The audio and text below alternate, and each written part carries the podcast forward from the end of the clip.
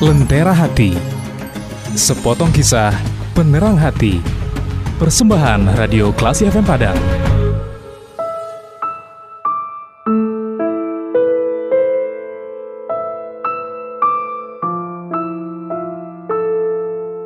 Assalamualaikum warahmatullahi wabarakatuh. Alhamdulillahirabbil alamin. Allahumma salli ala Muhammad wa ala ali Muhammad Classy people, hari ini kita akan berkisah tentang pembebasan Yerusalem pada zaman Umar bin Khattab. Setelah kekalahan pasukan Romawi Bizantium dalam peperangan Yarmuk, pasukan Muslim di bawah komando Abu Ubaidah kemudian mengepung Yerusalem mulai November 636 Masehi. Abu Ubaidah sebagai panglima perang Muslim pada waktu itu sepertinya tidak ingin menumpahkan darah di kota suci itu namun dia menunggu penguasa Yerusalem menyerah. Sebelumnya Yerusalem ini berada di bawah kekuasaan Romawi. Dengan kekalahan pasukan Romawi, maka penguasa Yerusalem tidak bisa lagi mendapatkan bantuan dari Romawi. Setelah pengepungan selama enam bulan, bulan April tahun 637, akhirnya pendeta Sopronius setuju untuk menyerah. Hanya saja dia hanya mau menyerahkan kunci kota Yerusalem kepada khalifah Umar bin Khattab yang berdomisili di Madinah. Begitu jauh jaraknya dari Yerusalem.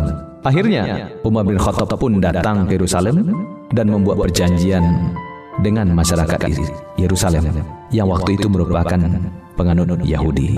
Mari kita simak bagaimana isi perjanjian Umar bin Khattab dengan penduduk Yerusalem bandingkan dengan penguasaan Israel terhadap Yerusalem pada hari-hari terakhir ini. Isi perjanjian yang dibuat oleh Umar ini disebut sebagai perjanjian Umar ya. Pemimpin Al-Quds atau Yerusalem pada saat itu datang ke Jabiah menemui Umar bin Khattab. Tanpa ragu ia serahkan kunci Al-Quds kunci Yerusalem. Tanpa ragu, ia tanda tangani kesepakatan dengan jaminan keamanan dan kebebasan beribadah di sana. Perjanjian ini adalah perjanjian yang luar biasa perjanjian yang sungguh beradab. Isinya demikian. Dengan nama Allah yang Maha Pengasih lagi Maha Penyayang.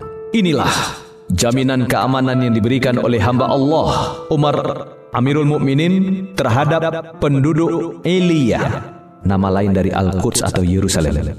Aku memberikan jaminan keamanan bagi jiwa raga dan harta benda mereka untuk gereja-gereja serta tiang-tiang salib mereka yang sakit maupun yang sehat, serta seluruh tradisi kepercayaan mereka.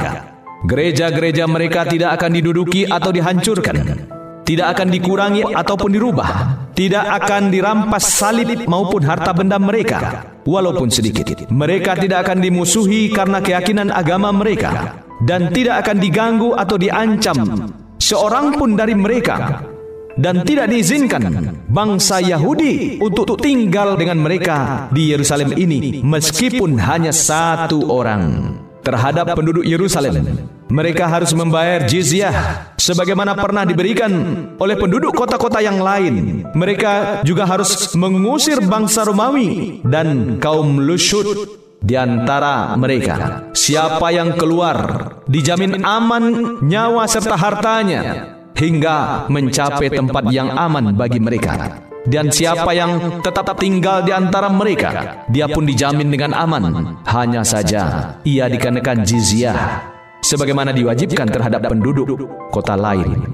Apa yang tertuang dalam perjanjian ini dilindungi oleh janji Allah, jaminan Rasulnya, jaminan para khilafah, serta jaminan kaum mukminin jika mereka membayarkan jizyah yang dikenakan kepada mereka. Perjanjian ini disaksikan oleh Khalid bin Walid, Amr bin As, Abdurrahman bin Auf, dan Muawiyah bin Abi Sofyan. Dituliskan pada tahun 15 Hijriah. Classy people perhatikan betapa setelah menundukkan Yerusalem, Khalifah Umar bin Khattab memberikan jaminan kepada penduduk kota yang sudah ditundukkan ibadah mereka tidak akan diganggu. Gereja-gereja mereka tidak akan dihancurkan. Salib-salib mereka tidak akan diturunkan. Mereka aman. Bagi siapa yang tidak mau tinggal di Yerusalem, maka Umar menjamin keamanan mereka sampai mereka keluar dan sampai di tempat yang aman. Bandingkanlah dengan bagaimana Yahudi menguasai bumi Palestina. Saya Henmaidi. Mari kita berusaha menjadi insan sejati. Assalamualaikum warahmatullahi wabarakatuh.